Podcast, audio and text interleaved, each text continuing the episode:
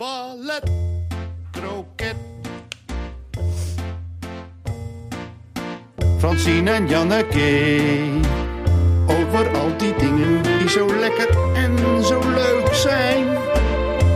Ballet, kroket, culinaire zaligheden, culturele wetenswaardigheden en ook nog met live publiek erbij. Al die leuke fijne dingen vanuit Studio Kookhaven. Ballet, kroket, ballet, kroket, ballet, kroket.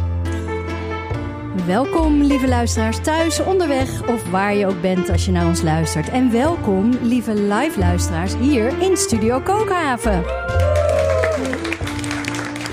Het, Ballet Croquet wordt opgenomen voor een live studio publiek. En we zijn dan ook de enige podcast met live reacties. En die komen binnen via de Ballet Croquet app. Ja, en we hebben met het publiek al genoten van de Ballet Croquet Huisband... onder de tweekoppige leiding van Matthijs Groené en Arend Bouwmeester. Maar vandaag ook weer met als special guest star Chris Korstens. Ja, die eh, geven ons altijd een privéconcert zo'n beetje voordat de opname begint. Ja, voor jou en mij, Francine, en natuurlijk voor ons fantastische publiek. En ik zou zeggen, mensen, zorg dat je daar ook eens een keer bij bent, want dat wil je gewoon meemaken. Francine, dit is aflevering 4 van het eerste echte seizoen van Ballet Croquet. Dat is het. We gaan het hebben over dingen die het leven leuk en lekker maken. Waarmee je het leven kunt vieren, versieren en verdiepen.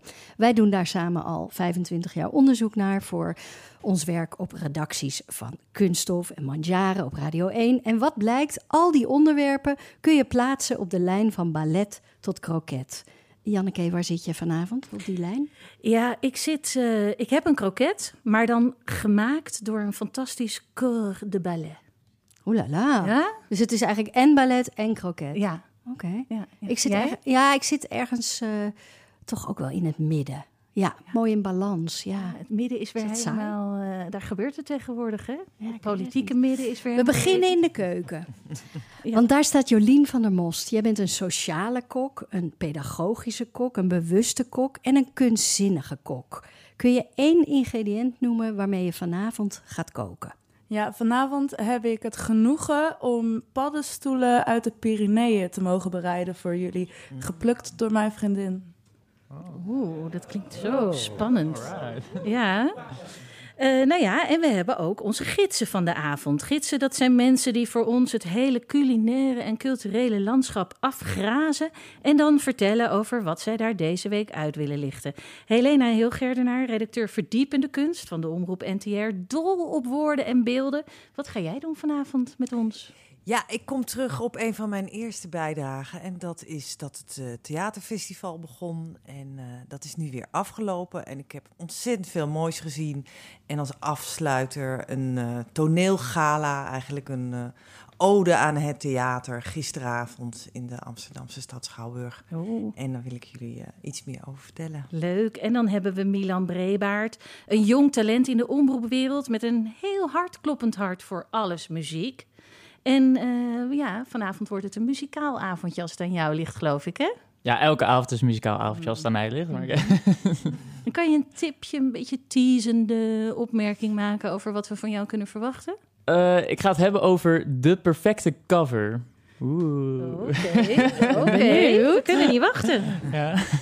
Janneke en Francine. Francineke, Francineke, Francineke. We gaan me toch weer een aflevering tegemoet. Dat is gewoon niet normaal. Maar we moeten niet vergeten dat dit een podcast is. En dus beginnen we met jouw week. Wat heb jij ja, gezien, gedaan, gehoord? Nou, ik licht er één ding uit, want ik was op datzelfde feestje als Helena, namelijk dat eh, theatergala. En ik was daar omdat ik eh, meewerk aan een televisieprogramma Mhm. eh, over datzelfde gala. Ja, ik moet heel even de luisteraars waarschuwen. Francine gaat nu heel downplayend over haar werk. Maar ik zag jou dus midden in die zaal zitten bij een hele grote cameraman. Calling the shots gewoon, Francine. Zeg het me. Oké. Eh, we deden dat met twee camera's. Met één camera eh, deden we de interviews met de winnaars. Dat gebeurde in de As gang you en in de, do. eh, in de coulissen.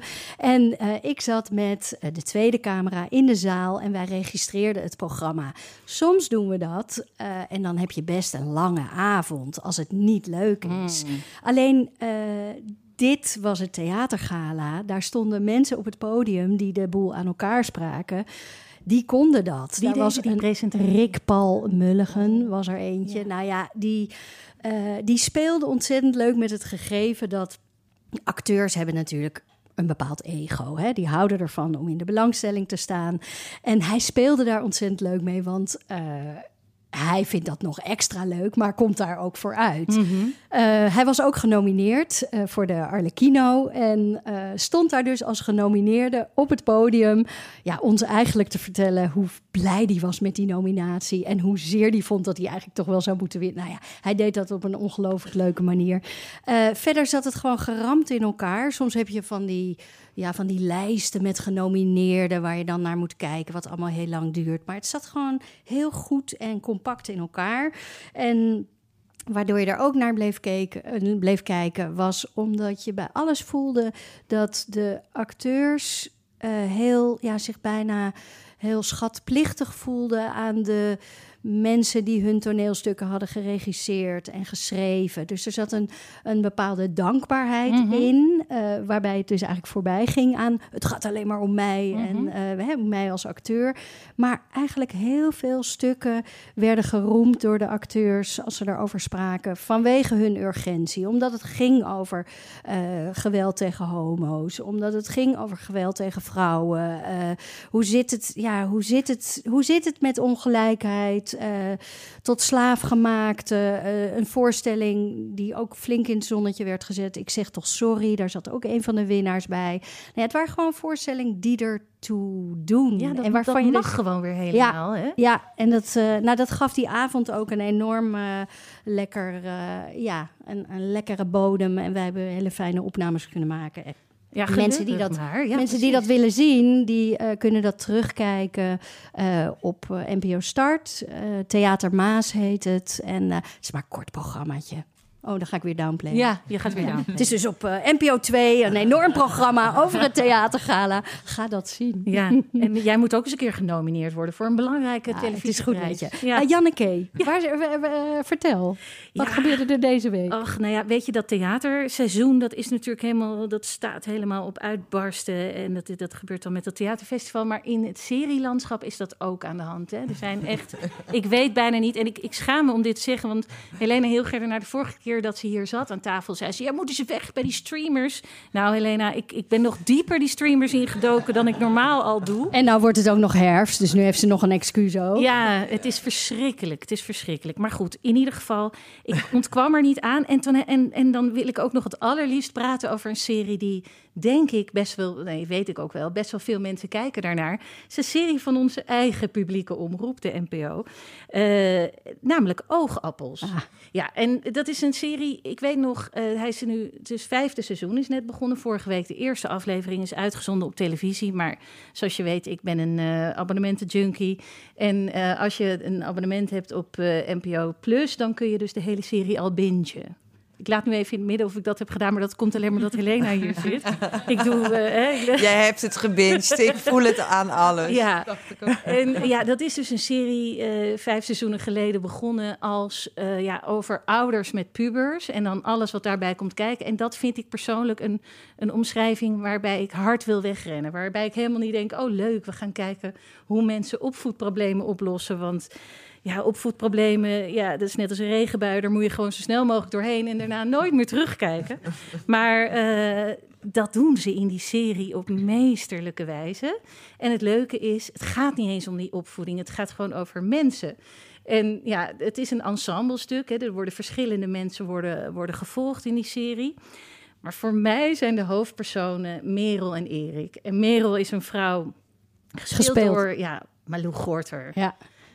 Wat een topvrouw. Ze, ze zet daar een personage neer waar je en tegelijkertijd heel erg een hekel aan krijgt. En van wie je ongenadig veel gaat houden. En waarvan je iedere keer als zij komt, maakt je hart een sprongetje. Ze doet alles fout in de, in de intermenselijke communicatie. Met haar eigen dochters, met haar eigen man. Met eigenlijk iedereen die op haar pad terechtkomt. Maar waarom je toch van haar gaat houden, is waarom die serie zo goed is. Want je ziet, ja, je ziet het menselijk onvermogen in Ja, één eigenlijk persoon. zie je jezelf. Je ziet jezelf. Maar wat je ook ziet, is iets wat je weinig ziet. Een vrouw die er mag zijn met alles wat ze heeft. En dat komt niet vaak voor in de fictie, in de beeldcultuur. Ik bedoel, je hebt of een hele fijne, gezellige moeder, of je hebt een hele spannende vrouw. Of... Maar het is nooit een gewoon niet zo aardige vrouw die toch een hoofdrol verdient. En eh, nou ja, zij zet die, Malou Gorter zet haar neer, werkelijk fantastisch. En haar tegenspeler als man is Ramsi Nasser. Nou, ook niet de minste acteur van ons land. En die zet ook weer zijn personage, Erik, is ook een man...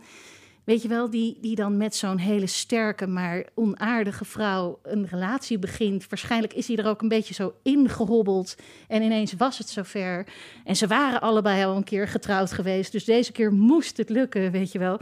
Maar ja, heeft een eh, veel te veel hooi op zijn vork genomen daarmee. En die Ja, het komt- is ook iemand waarmee je als kijker enorm verbindt. En dat je denkt, ach, arme Ach, kerel. Ja, je bent erin terechtgekomen. Ja, maar je zet voor iedereen Ja. een kopje thee.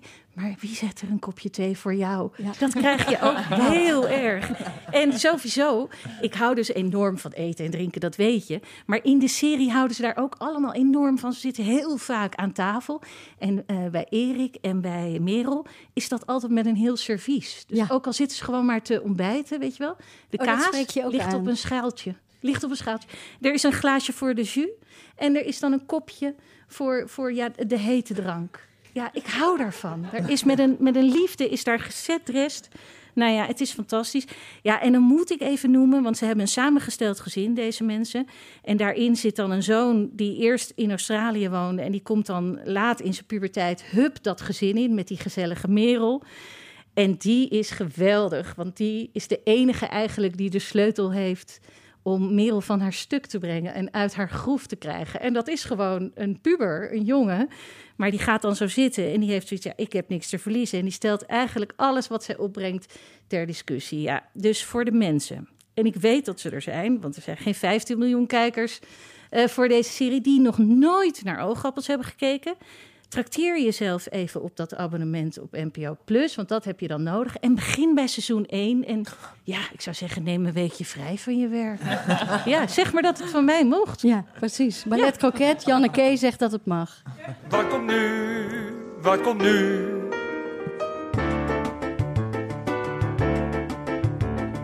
Wat is het volgende eigenlijk?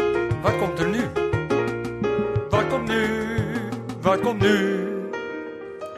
De kok van de week, dat is Jolien van der Most. Ja, je bent je aan het ontwikkelen, Jolien, in verschillende richtingen, passend bij jouw uiteenlopende interesses. En die gaan van pedagogiek tot kunst. Maar afgelopen zomer stond je vooral in de keuken op festivals, zoals de Parade. Ja, Francine, jij, ik weet het, jij, bij jou gaat ook meteen van alles borrelen als je dat hoort, koken op de Parade. We hebben hier dus iemand aan tafel die dat heeft gedaan. En dan mag je dus achter de schermen en dan ben je de hele dag mensen aan het voorzien van lekker eten. Ja, het, is klinkt, dat? het klinkt voor ons dan als één groot feest. Is Ja, het dat, is ook? het of ook is wel eh, deels. Maar je hebt natuurlijk wel de regen en de zonneschijn en dergelijke. Dus daar ben je wel een beetje van afhankelijk. Maar het is wel echt een groot feest. Er worden ook voor medewerkers ook feesten georganiseerd per stad eentje. En dan kan je dus ook naar een andere locatie, buiten het terrein, met alle medewerkers. En dan hebben zelfs de medewerkers van de doorzak, die dus eigenlijk altijd klaar sta- staan voor ons. Ja, dat zijn de mensen die dus na het eten en nadat wij gesloten zijn, alle barren dicht zijn en alles, staan zij daar voor ons om te serveren achter de hekken bij een tent bij de camping die het patronaat heet. Maar s'avonds heet het dan de doorzak. En zelfs de doorzakmensen kunnen dan lekker feesten, want dan wordt het uitbesteed. Dus wat dat betreft. En er zijn dan ook soms, eh, ja, er zijn zweefwedstrijden, medewerkers, shows, allerlei dingen die echt, eh, ja, genieten zijn. Als het niet vol is, dan mag je met je medewerkerskaartje elke show eigenlijk bekijken die je zou willen. Dus wat dat betreft heb ik dit jaar heel veel geluk gehad. Ik heb 22 shows kunnen bekijken. Echt waar? Ja, dus eh, ja, wat dat betreft is echt een privilege. En eh, ja, ik doe dit al zeven jaar, sinds 2013. En eh, ja, ik heb voor verschillende keukens gestaan en dat was echt eh, genieten. Je ziet dus heel veel als kok van de, van de parade en je kookt lekker.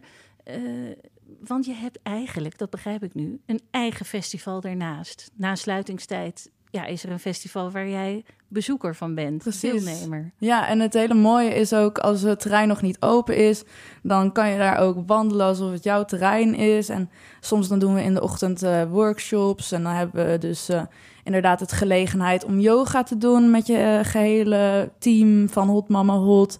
En je hebt ook de gelegenheid om shirts te printen met paradesymbolen en zo. We hebben taartontbijt één keer per stad. Echt Ach. prachtig. Klinkt heerlijk. Ik schrijf me ook meteen in. Volgende, volgend jaar ben ik erbij. Ik, ik schrijf me dan vooral in voor dat stukje. Ja, taartontbijt is een aanrader. Ja. hey, ehm, ja, ik zei al in de inleiding, je hebt, je hebt heel veel interesses. Er zijn verschillende dingen die jij in je leven aan het onderzoeken bent. Je vertelde mij ook, je hebt ADHD. En misschien is dat wel de reden waarom er bij jou meerdere sporen tegelijk lopen. Ik denk het zelf wel. Ja, Mhm. en, eh, want je bent ook bezig met kunst. En ja, het volgende kunstwerk wat er van jou aankomt, dat heet De dierendom, ja. Dierendom. Ja, ik ben echt eh, hartstikke privileged dat ik gewoon eigenlijk een domsteen heb gewonnen. Ja, Ja. we moeten eerst even. even. uitleggen wat een domsteen is. een domsteen is dus een steen, eh, zandsteen van de dom in Utrecht zelf. Want die wordt dus geremodeld. En het idee was eerst dat ze die stenen onder de snelweg gingen gooien. Maar toen zei de gemeente Utrecht, nou, ik weet niet of dat zo'n goed idee is. En toen zeiden ze, nou, kunnen we niet een betere een wedstrijd van maken of zo? En zodoende kon je je idee indienen. En nou goed, ik dacht eigenlijk niet dat ik een goed idee indiende. Want ik dacht, nou, het is een beetje afgeraffeld. En iemand anders heeft wel een leuker dierenhotel verzonnen. Maar toen, eh, en er was corona. Dus ik belde zo nog op van, want ik kon niet pitchen. Van, hebben jullie wel goed gekeken naar mijn idee? Heb ik wel echt gewonnen? Zij zei, nee, nee, is vet circulair. En het past helemaal bij Vet de... circulair. Ja, ja. Circulair. En het past helemaal bij de boodschap van Utrecht. Dus eh, doe je ding. En sindsdien heb ik dus eh, ja, verschillende dingen, stappen ondernomen om die te bouwen.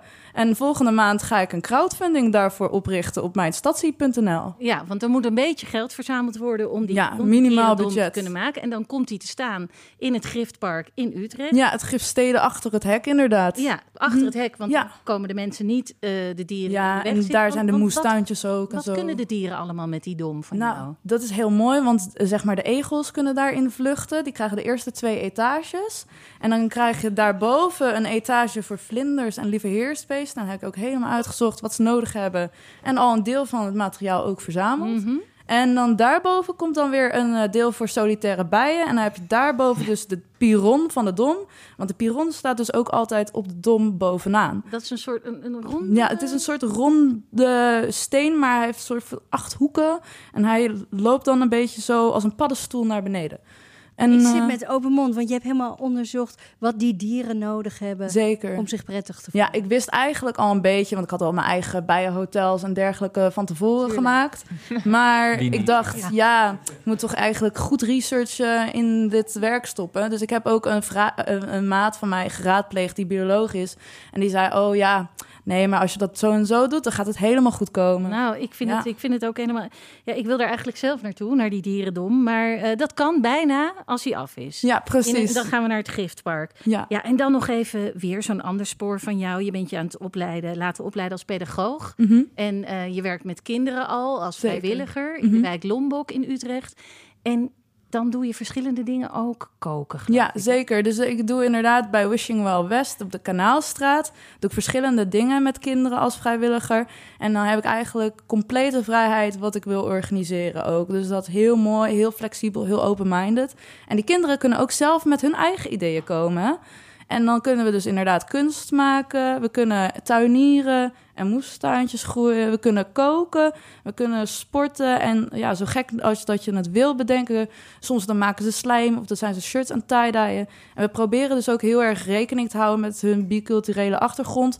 En ze proberen dan ook van huis uit wat receptjes mee te nemen. En zo leer ik dan ook weer van hun. Ja, ik, Echt ik heel ben mooi. ontzettend onder de indruk van jouw verhaal. En ik ben zo blij dat je al die verschillende sporen bewandelt. Met, want op ieder van jouw wegen ben je de wereld een beetje mooier, leuker, aangenamer aan het maken. Ja, zoals je bij Oogappels al zei, van ja, het gaat niet echt om de opvoeding, maar gewoon om mensen. Dat ervaar ik ook bij eh, Wishing Well West, Ja, inderdaad. wat goed, wat goed. Mooi. En bij Ballet Croquet gaat Ja, het ook niet zeker. alleen maar om de Ik ervaar het hier Nee, ook al. Dus ga- gaat het ook heel erg, want je gaat straks ook iedereen iets laten proeven. Mhm. Ehm, we gaan Ja. niet vertellen wat het is. Ga het lekker maken en eh, dan komen we Dan kom ik straks zo zien we terug. je zo Is terug. goed.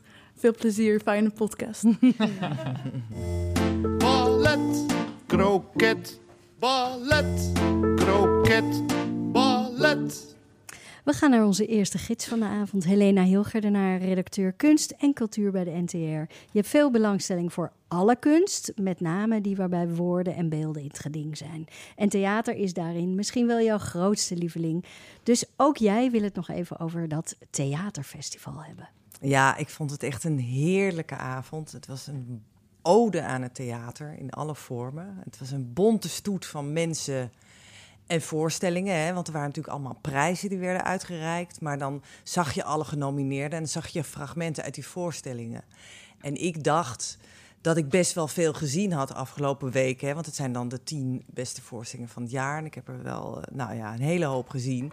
Maar toen was er ook de categorie jeugdtheater. En dan zag je bijna tien fragmenten van eh, verschillende voorstellingen die dan genomineerd waren voor de Gouden Krekel, zo heet dat dan in het eh, jeugdtheater. Nou, daar zag ik alweer dingen voorbij komen. En ik dacht, ik, ga, ik moet al deze voorstellingen zien. Het zag er zo feestelijk en mooi en grappig. En Wat hoopgevend ook, Ja, want dat is de er, toekomst wordt, er, er wordt, er, wordt zo, er wordt zoveel moois gemaakt. Ik kan niet anders dan blijven roepen, kom van die bank af. Ja. Maar eh, dat, eh, het kan en en. Maar je mag ook... Oogappels ben ik ook enorm fan Ja. van trouwens. Nou ja, en naast die... die eh, nee, maar nu lijkt het net alsof ik een soort moraalridder ben... die alleen maar elke avond ja, maar die het moeten theater er ook zijn, moraal. Ja, nee, we ja, dat kunnen is ook allemaal waar. een beetje op los gaan zitten leven. Maar daar is het leven niet voor bedoeld. Dat moeten we allemaal nut hebben. Ja, nee, precies. Ik Ja. ben ook wel een beetje een eh, dominee wat dat betreft. Ja, Klopt. maar preach, preach. Pre- Preach, preach. Nou, wat ik ook eh, altijd zo mooi vind, wat een mooie traditie is van deze theateravond, toneelgala, hoe je het wil noemen, is dat er een in memoriam is van alle mensen uit het theater die ons dit jaar zijn ontvallen. En het meest huiver- huiveringwekkend eigenlijk elke keer is dat je alweer zo erg snel vergeten was wie er allemaal Ja. afgelopen jaar zijn overleden. Eh, nou ja, voor mij was het natuurlijk de belangrijkste, omdat dat ook een persoonlijke vriendin eh, was en is, eh, Jelly Brouwer. Ja. En er, er speelde dan een heel mooi strijkkwartet, een stuk van Astor Piazzolla. Dus het wordt dan helemaal donker en dan die prachtige muziek. En dan zie je één voor één al die foto's van die mensen en dan die, ja, meedogenloze eh, cijfers, hè? Ja. de geboortecijfer en dan eh, het sterfdatum. Jelly En, Brouwer eventjes, eh, is natuurlijk de presentator, de koningin van kunststof. Ja, Een programma wat ons allemaal heel na aan het hart ligt. En ja, met haar zijn we een bijzonder, bijzonder leuk en lief mens kwijtgeraakt. Maar niet alleen wij, de wereld eigenlijk, hè? Ja, dus ik was zo blij dat ze het. eh, Ik bedoel, toen ze overleed, was het ook al groot op televisie en in de kranten. Mhm. Veel meer dan ze zelf ooit had kunnen bedenken. Maar dan ook weer op zo'n ja, wat kleinschaliger eh, feestje hebben ze toch wel bedacht dat zij, omdat zij werkelijk honderden acteurs en regisseurs heeft geïnterviewd Ja. en diepgaand geïnterviewd, allemaal terug te luisteren Ja, via doe dat ook, NPO mensen. Radio. Eh, heel makkelijk. Ehm, maar goed, wie er dit jaar ook zijn overleden zijn bijvoorbeeld radiomaker Marlies Cordia. En dat was, ik, wat, dat was mij ook een beetje ontgaan. Ja? En zij was echt ja, de, de, de heldin voor mij van het hoorspel. En iemand die heel erg lang heeft gevochten in Hilversum. Eh, om dat hoorspel in leven te houden. En uiteindelijk is dat eh, nou, eh, gekild. En, en een paar jaar later kwam de podcast op. En ik denk, oh, als Marlies dit had meegemaakt... dat je gewoon zelf dingen kan maken en de wereld in kan sturen. Maar dat was zo'n leuke vrouw. Ja. Zo, eh, echt, en met Ja. want de hoorspelmensen denken altijd, oh, in de jaren 50, 60. Maar die zijn tot, tot in nee, eh, nee, nee. de jaren Ik weet- 10 eh, ja, zeker precies. nog gemaakt van deze eeuw. Ja, dus, eh, ik weet niet welke zij precies gedaan heeft, maar bewerkingen van het bureau van Ja, Voskuil. En er zijn heel veel hele gekke projecten geweest, nieuw geschreven dingen, maar ook boekbewerkingen. Spannende, spannende Ja. boeken ook. Ja, fantastisch. En de grindbak ver ja, voorbij. Ja, ernstig voorbij. Ja. Ja. maar goed, wie kwamen? Paul van Vliet, Willem Nijholz, Hedy Lester, Nou, en heel recent natuurlijk eh, Wimmy Wilhelm. Wimmy Wilhelm, die daarvoor. mensen dan jammer genoeg alleen maar kennen van haar rol in Baantje. Die, die, die vrouw met die zware bosstem. Ja. Maar zij was veel meer dan dat. Want zij, zij ehm, regisseerde heel veel cabaretiers. En zij eh, deed heel veel met jong talent. En zij, zij organiseerde elk jaar op Vlieland een heel erg leuk theaterfestival. En ja, ook voor, voor jongeren. Dus dat was, zeg maar, de, de avond was al in balans eh, door de vrolijkheid. En dan toch ook eh, om, om dit te vertellen. Mhm. En ja, de twee belangrijkste prijzen wilde ik er even uitlichten. En dat zijn eh, de Theodor voor de vrouwen en de Louis d'Or voor de mannen. Hè? De beste mannelijke of vrouwelijke hoofdrol. Mhm. En dit is voor het laatst dat die werden uitgereikt. In 60 jaar lang heeft deze traditie bestaan. Hè? Ja. Met die, dat zijn namen van oude acteurs die niemand meer kent. ja, ken jij ze nog? Ja, tuurlijk. Ik, nee hoor. Nee. Die waren al overleden toen ik werd geboren. Ja, ja. Maar het is wel mooi dat zo'n hele oude traditie uit de jaren 20, 30, dat dat nog steeds bestaat. Ja. Maar goed, ze gaan het eh, allemaal anders doen en genderneutraal en tralala. Maar eh, er zullen heus wel weer leuke namen voor die prijs worden bedacht. Ja. En eh, nou ja, de hoofdrol, of de, ja, de, de, de hoofdwinnaar voor de Theodor is Mariana, ik moet het goed zeggen, Aparicio. En zij speelt in de voorstelling De Jaren. En nou ja, die heb ik al een tijdje geleden gezien.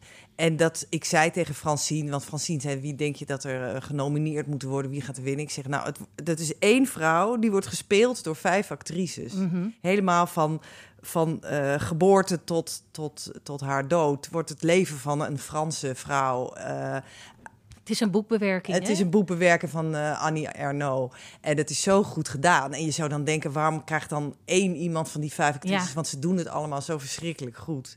Eh, ja, dat begreep ik wel. Dat juryrapport prees haar vooral omdat ze ja, toch nog... Ja, en ze heeft een hele emotionele scène dat ze als student een abortus moet plegen. En hoe verschrikkelijk dat is. En hoe het haar hele leven lang is bijgebleven.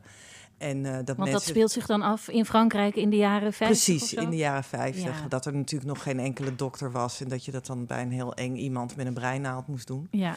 Eh, Zo'n soort van verhaal. Maar hoe zij dat speelt. Want zij is heel erg bekend als meer als comedienne. Mhm. Zij kan ontzettend grappig zijn op het toneel. En opeens was dit zo'n serieuze, ehm, emotionele rol.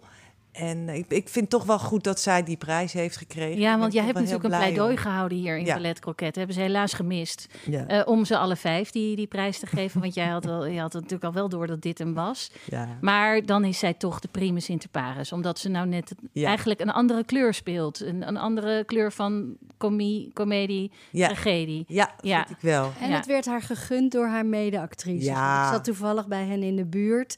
En, Ja, nou zijn ja, wel die- actrices, hè, die-? Die Nee, nee, nee. Oh. Dit was zo gemeend.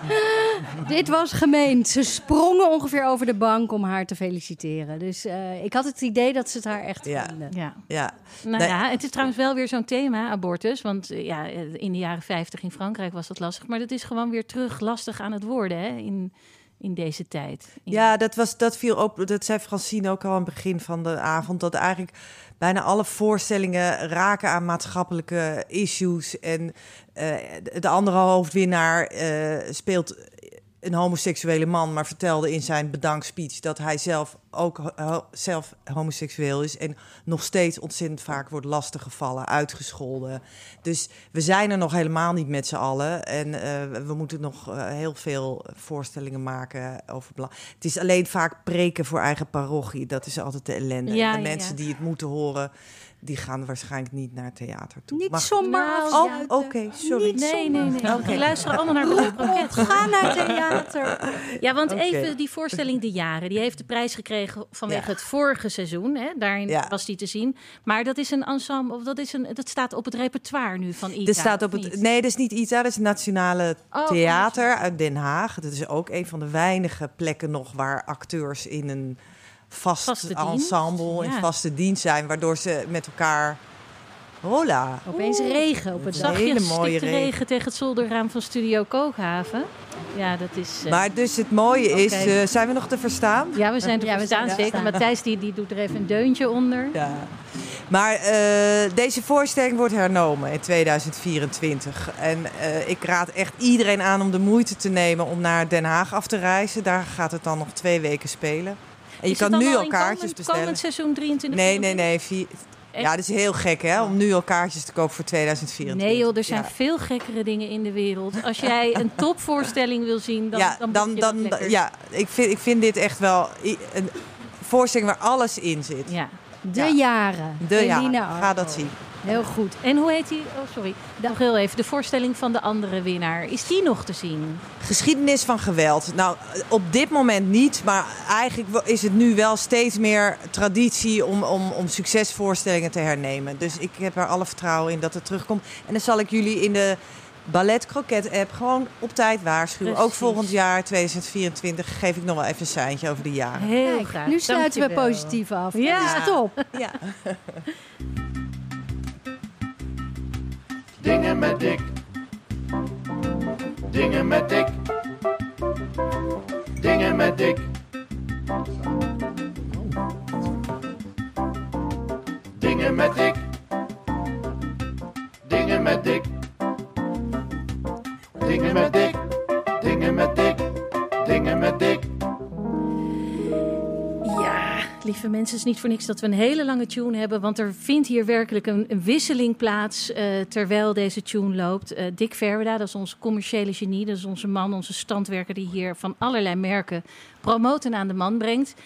Ja, Dick, het, is, het begint helemaal uit de hand te lopen. Hè? Want je wordt tegenwoordig ook herkend op straat. Dan Zo. roepen ze, hey, eh, ballet kroket tegen je. Ja, en de, de laatste hardloper, die, eh, die, eh, die, die, die stopte. Ja, ja, Ja, dat doen voor ze. mij. Dat doen ze. Alleen als het een echt goede podcast is. Want anders, ja, ze hebben die, dat horloge om, Het dan lopen aan. ze door. Het komt aan. Ja, nou En- ja. En, en, daar gaat het om. ja. En- maar ik snap dat het begint allemaal uit de kluiten te groeien. En je hebt een opvolger meegenomen eh, die we vandaag gaan Ja, horen. ja ik, ik ben zo trots. Ja. Ik ben zo trots. En dat gaat voor de Ja. luisteraar nu even gek klinken. Maar dat is Arend Bouwmeester. Maar niet Arend Bouwmeester uit de Ballet Croquet Huisband. Maar Maar de kleine Arend Bouwmeester. Ja, neefje van. Neefje van. Ja. Ja. Ik hoop niet dat mensen mij herinneren om mijn diepe basstem. Nou, eh, Dat het meer wordt. Arend, je moet nu met van alles gaan rekening houden. Als jij gaat, eh, nou hardlopen niet, maar als jij met de Don Ostra bus gaat rijden, ja, dan, eh, dan gaan mensen toeteren, gaan ze ja, kroketten Ik hoop het. aan je laten zien. Hoop Zou ik, leuk maar zijn. Dat zijn het dan, meestal hoop ik. Maar eventjes, Arend, eh, jij bent dus door Dick eigenlijk eh, in Don Ostra getrokken. En eh, Don Ostra is een van de drie merken die wij mogen promoten bij Ballet Croquet. En wat maken de mensen mee als ze Don Ostra op een feest of partij hebben rondlopen? Nou, het is een beleving die je boekt. Ja, En, eh, en ik denk dat, dat dat de essentie is van wat in ieder geval Dick en ik willen uitstralen. En wat ik van Dick leer, dat ook het belangrijkste is om uit te stralen. Maar En in- beleving. Even nog iets concreter. Absoluut. Wat maak ik mee? Dat kan. Ehm, een beleving, ja, in mijn ogen creëer je een beleving door iets toe te voegen. En door iets aan te bieden. Mhm. En wat wij samen aanbieden, dat zijn oesters eh, op hoge kwaliteit. Met eigenlijk een extra toevoeging daarbij. Momenteel is dat gin eh, van Hermit.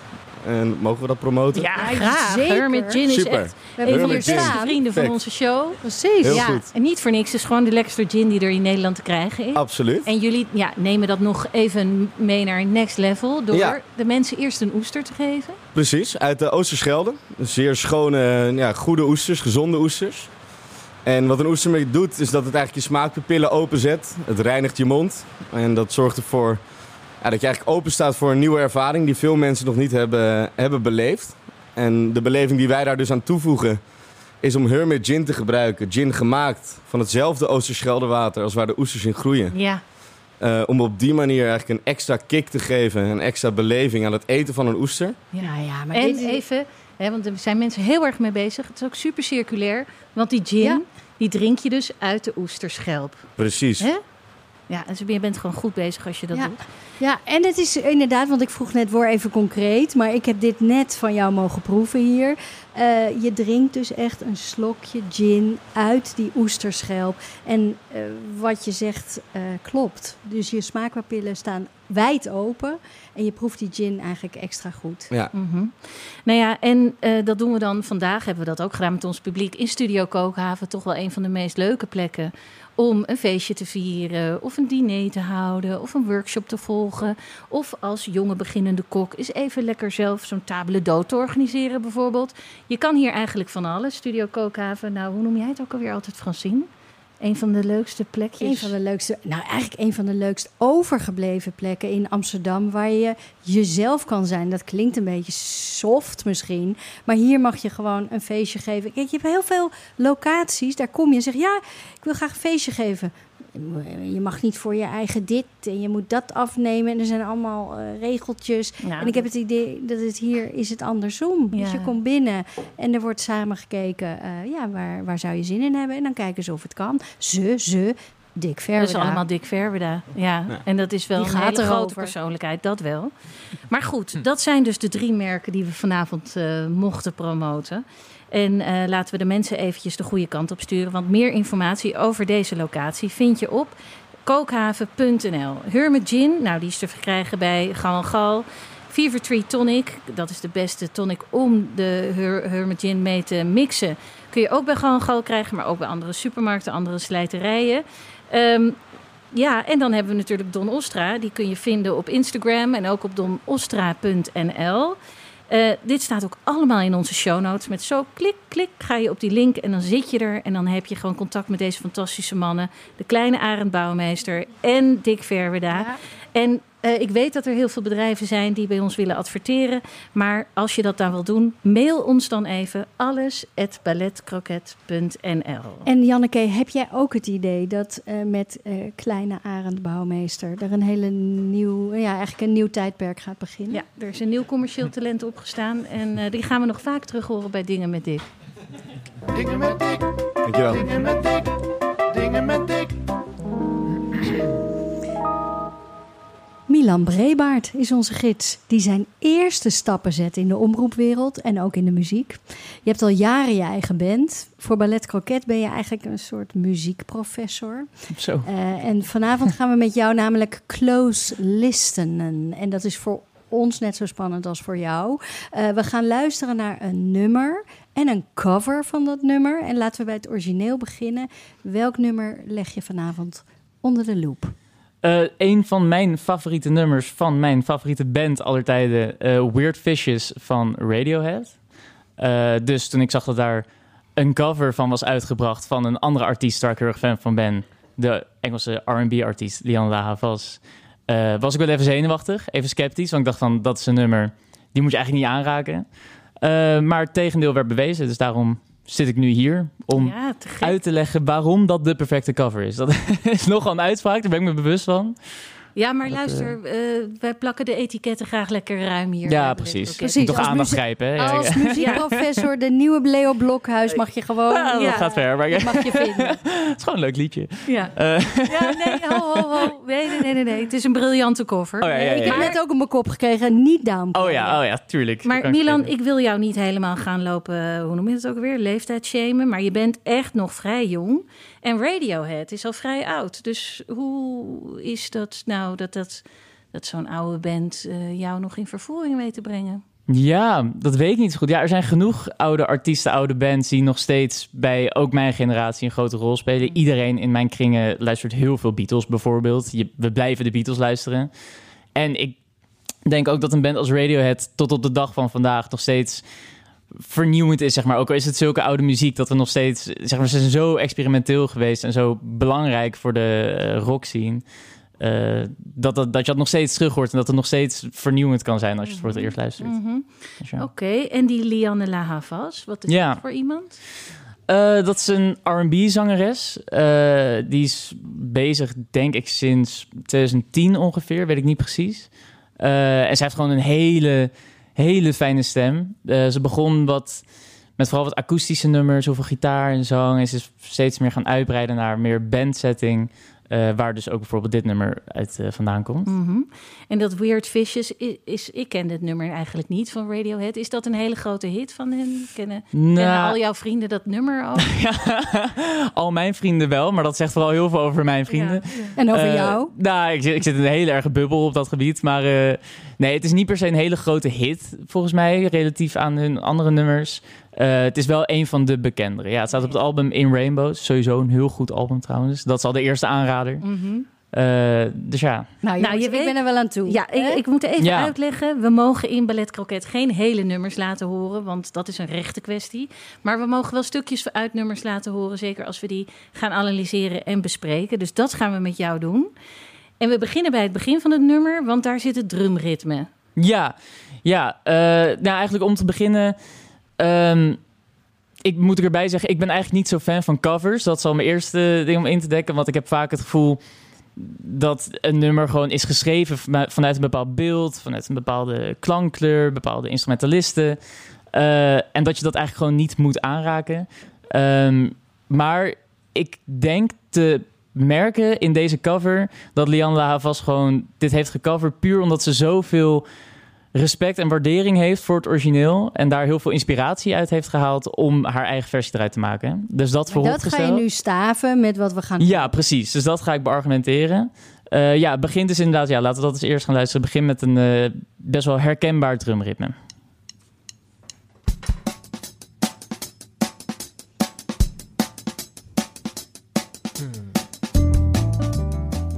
Dit is nu al prachtig natuurlijk, maar eh, je hoort heel erg in dit drumritme eh, dat er echt een bepaalde drive in zit, echt een motoriek die best wel kenmerkend is voor eh, veel rockbands, voor veel rocknummers. Eh, maar wat wat minder kenmerkend is voor het genre waar Lian La Havas muziek in maakt, namelijk Ja. R&B. Ehm, dus wat zij doet, zij gebruikt, dat gaan we straks horen, de eerste twee maten van haar, van haar uitvoering is ditzelfde drumritme te horen. Maar dan al meteen, wat best wel ongebruikelijk is zo vroeg in een nummer, gooit ze dat hele ritme om naar een hele groovy R&B sound. En dat wordt ook om een klein beetje muziektechnisch te worden, eh, maakt ze er halftime van. Dus je hoort hier op het tempo toen, ka, toen, ka. En zij maakt ervan toen, ka, toen. Maar Ja. begint dus met dat originele Radiohead ritme.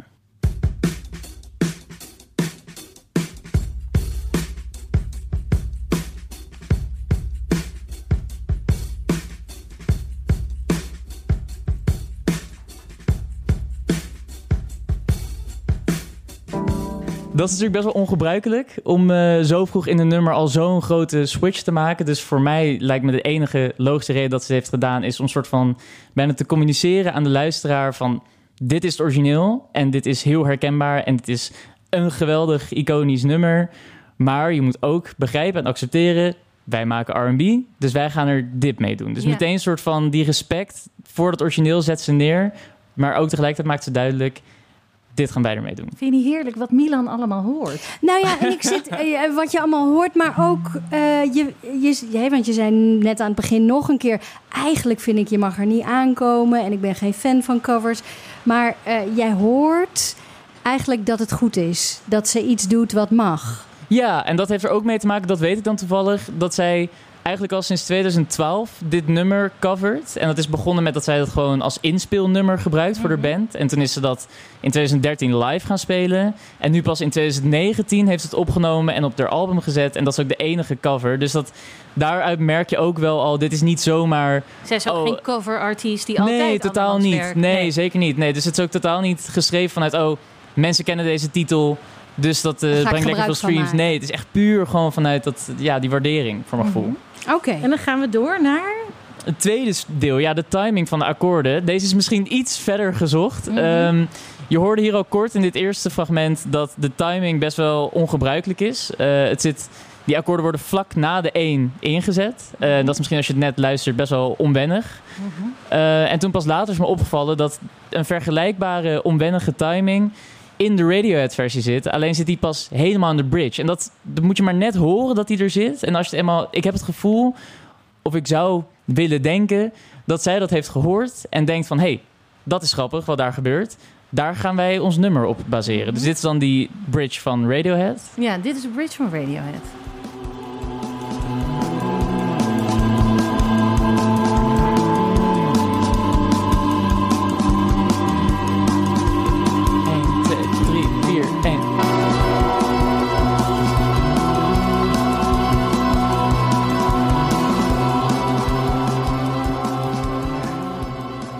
Ging natuurlijk om die rare dominante gitaarsound. Mhm. En dan denk ik dus dat Lianne Lavas die timing heeft gebruikt voor haar akkoorden die eigenlijk gedurende dit hele nummer hoort. En, dat, hoor je bij haar veel eerder al. Ja. Meteen na dat drumrit. Ja, precies. Ja.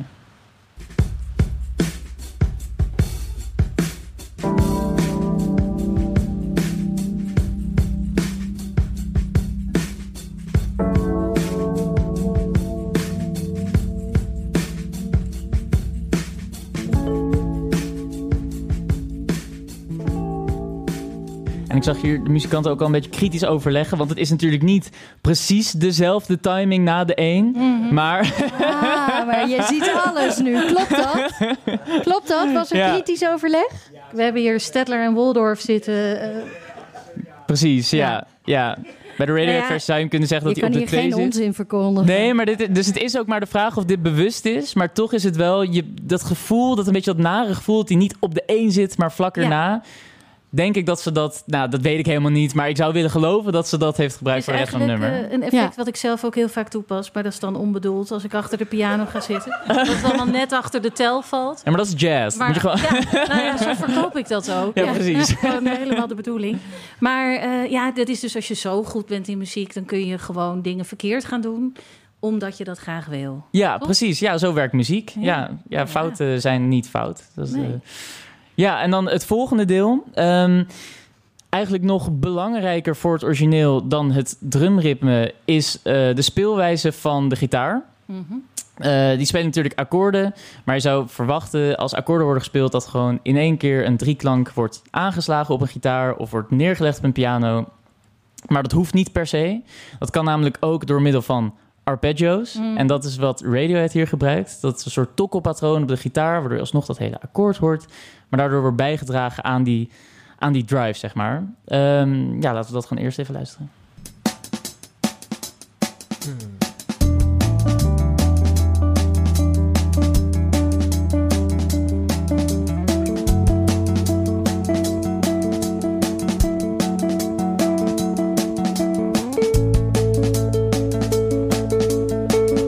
Ja, en sterker nog, het is zo belangrijk voor het nummer dat het zelfs in de titel zit van de Radiohead-versie. Het heet namelijk Weird Fishes slash Arpeggi.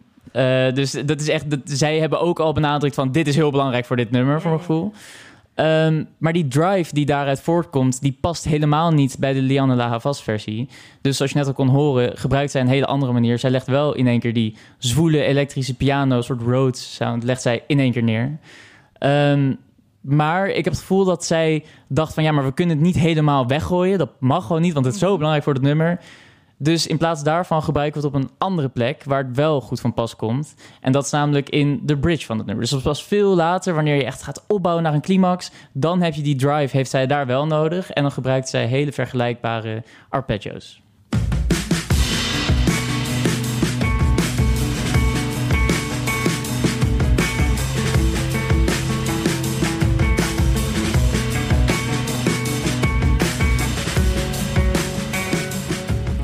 Ja, dat herken je natuurlijk wel van, de, van die versie van Radiohead. Mhm, ja, maar het is ja, voor, voor de wat meer lekerige leek, zoals ik zelf ben, eh, eigenlijk veel makkelijker te begrijpen wat Lianne La Havas doet.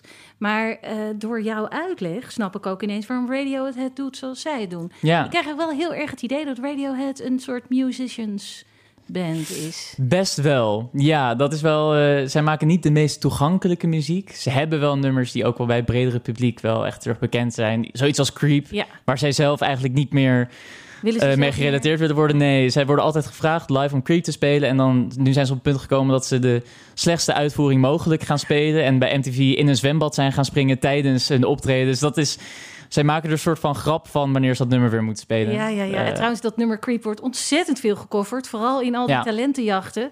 Zelfs, het gaat over hoe je er allemaal helemaal niet bij hoort. En dan staat een meisje van 12 dat nummer Ja. te zingen. Dat Ja. is dan weer precies het soort cover inderdaad waar ik niet zo van hou. Nee, dat is duidelijk. Dat is duidelijk. maar alsnog, dat, daar is natuurlijk ook iets voor te zeggen. Dat Tuurlijk. ik hem niet erg. Mag er Nee. allemaal zijn. het mag er allemaal dan. zijn, tuurlijk. Ja. En Helena, eh, als je dit zo hoort, dit eh, mini-college over deze muziek, wat, eh, wat gaat er in je om?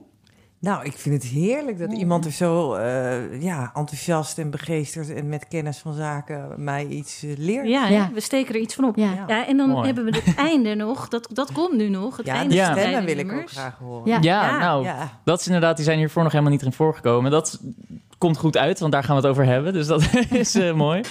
Ehm, ja, de stemmen. Dat is wel interessant, want eh, de versie van Lian La Havas houdt eigenlijk best wel... eh, houdt zich best wel trouw aan de melodie van Radiohead. Dus ze varieert de hele tijd op het origineel. Maar bij de melodie en tekst eh, komt, er best wel neer, komt erop neer dat het best wel hetzelfde is. Daar zijn twee kanttekeningen bij te plaatsen. Aan de ene kant voegt ze heel veel meer stemmigheid eraan toe. Wat in haar genre natuurlijk prachtig is. En sowieso haar stem en dat dan gedubbeld. Dat, dat, dat werkt super goed. Maar wat ik eigenlijk nog mooier vind, is dat ze helemaal op het eind van het nummer. ehm, varieert van de hoofdmelodie. Dus laten we anders eerst luisteren naar, de, naar het einde van de versie van Radiohead.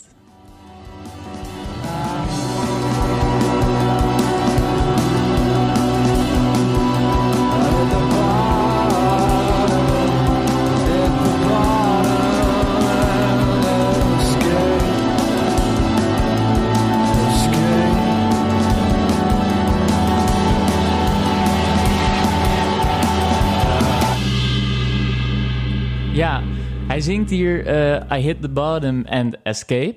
Ehm, en het is maar de vraag wat hij daarmee bedoelt. Gaat natuurlijk weird fishes. Het gaat een beetje nou, ja, zinken door rare vissen. nummer, ja, ja. precies. Ehm, en Lian La Havas heeft in een interview gezegd dat haar interpretatie van die tekst eh, eigenlijk neerkomt op het eh, losbreken uit je comfortzone en openstaan voor nieuwe dingen. Eh, en dat dat en een beetje het, het oude, het familiar daarmee ook achter je laten. En dat dat doodeng kan zijn, maar dat het ook als een soort bevrijding kan voelen. Dus daarom I hit the bottom and escape. Eh, en ik vind het heel mooi dat je dat in haar versie zo goed terug hoort, naar mijn mening. Dat is veel, dit was natuurlijk best wel, de vocals best wel laag en energie is een stijlkeuze natuurlijk. Maar bij haar is het echt een opbouw naar een soort euforische losbreken.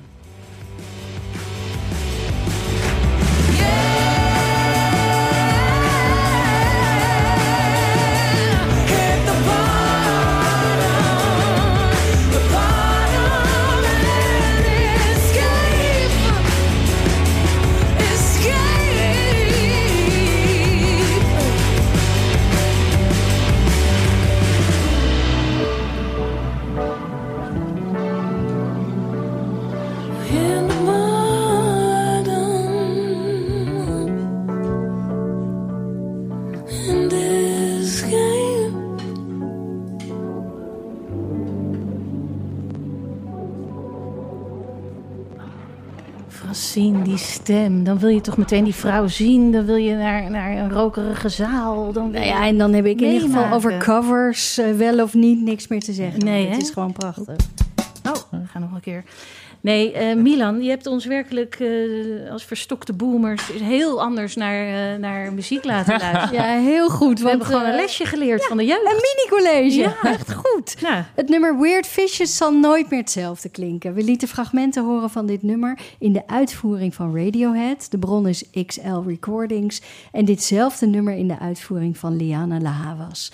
De bron is Wagner Records. En ga deze nummers in hun geheel luisteren, mensen. We zetten de links Ja. in, de show, in de show notes.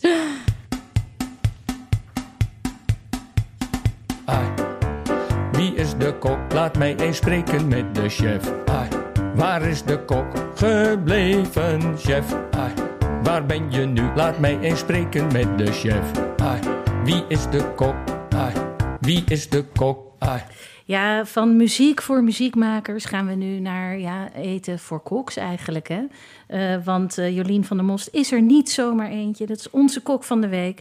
Ze is gelukkig weer terug aan tafel. En ja, we hebben hier een bordje waaraan we meteen al kunnen zien dat je ook kunstenaar bent. Want het is werkelijk prachtig. En eh, ja, ik zie een mooi rolletje liggen, Jolien. Een mooi ja, springroll vermoed ik. Ehm, maar met een heel mooi groen blad eromheen. Er ligt een bloemetje op. Een heel mooi geel bloemetje. We zien ja, komkommer en dan julienne worteltjes. En iets wat eruit ziet alsof het net wat pit geeft. hè? Dat rode. Ja, Wat is dat, dat? is de sriracha. Ja. Ja. En daarnaast is een blaadje inderdaad van Oost-Indische kers met een beetje kimchi en nog een van de laatste paddenstoeltjes erbovenop.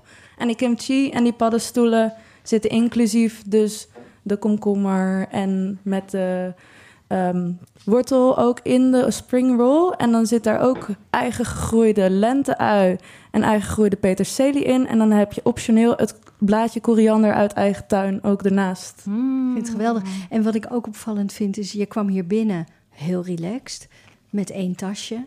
En je bent daar aan het werk gegaan. We hebben eigenlijk je, ja, je niet zien stressen. Nee, nee, ik eh, ben wel gewend om wat te koken en een, een kleine tijd ook dingen te realiseren.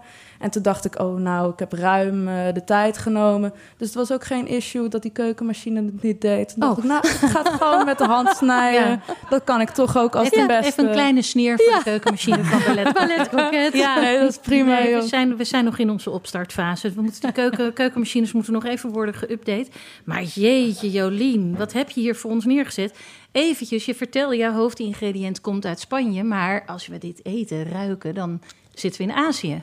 Ja, zeker. Ik ben ook geïnspireerd door de Aziatische keuken vaak. Want eh, ik heb eh, vriendinnen die uit Thailand komen. En zelf komt mijn opa uit Jaitirotto, Java.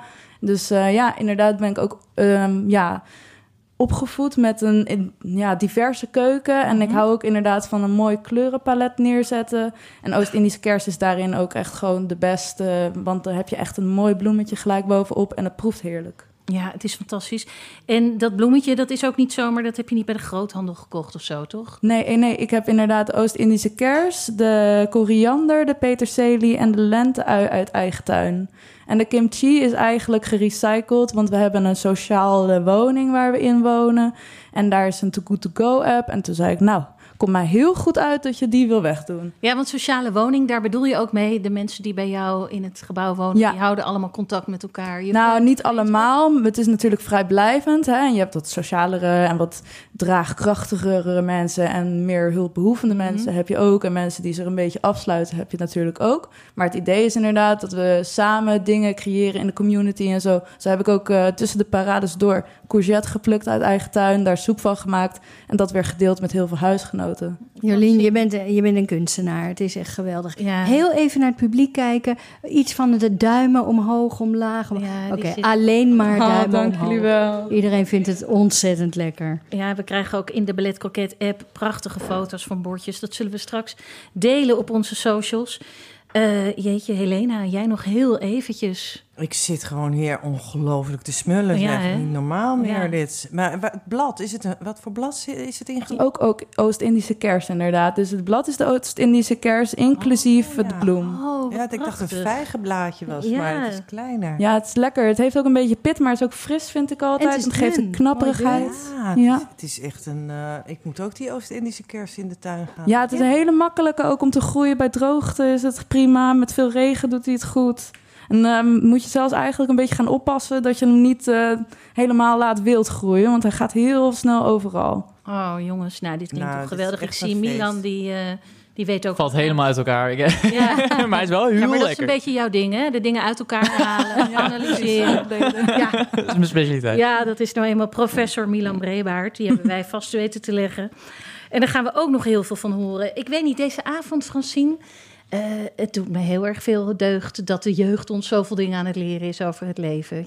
Wat heb jij? Nou, ik denk dat we eraan toe waren. We waren een beetje aan het inzakken met z'n tweeën. Jeetje, wat waren wij het de hele tijd eh, allemaal al aan Eens, het en wat weten. begrepen we het goed. En oh, en oh, ja. oh, Ja, laten wij tijd. even gaan uitleggen hoe het allemaal zit. Nou zijn we mooi eens even op de koffie gekomen vandaag in onze eigen podcast. Precies. Want dit wisten we allemaal helemaal niet.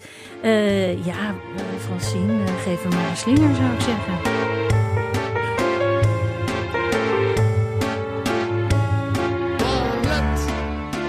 Dit was alweer de vierde aflevering van Ballet Croquet. En we danken onze gasten Jolien van der Most, Helena Heelgerdenaar en Milan Brebaert. Grote dank en een extra groot hartje aan de Ballet Croquet Huisband onder de tweekoppige leiding van Arend Bouwmeester en Matthijs Groené. Met vandaag gelukkig opnieuw als special guest Chris Korstens. En even zoveel liefde voor de kok eh, die uit het noorden kwam, Lone Palsen, die ons vandaag verzorgd heeft. Kijk op shecamefromnorth.com voor al haar activiteiten. Onder andere een appelworkshop. Daar zijn nog plekken voor, maar wees snel. Ballet Croquet werd opgenomen voor een live studio publiek. En wilt u nou ook een keer komen kijken en genieten van live muziek en goede sfeer? Dat kan. Stuur dan een mail naar alles@balletcroquet.nl. En wilt u adverteren in onze podcast? Dat kan. Mail ook naar alles@balletcroquet.nl. En is mailen niet meer jouw ding? Kijk dan op Insta @balletcroquet en slide lekker in onze DM. Met grote dank aan de meest gastvrije Fries van heel Amsterdam, Dick Verweda van Studio Kookhaven. Wij gaan weer grazen. Tot volgende week. En onthoud, alles is Ballet Croquet. Zo.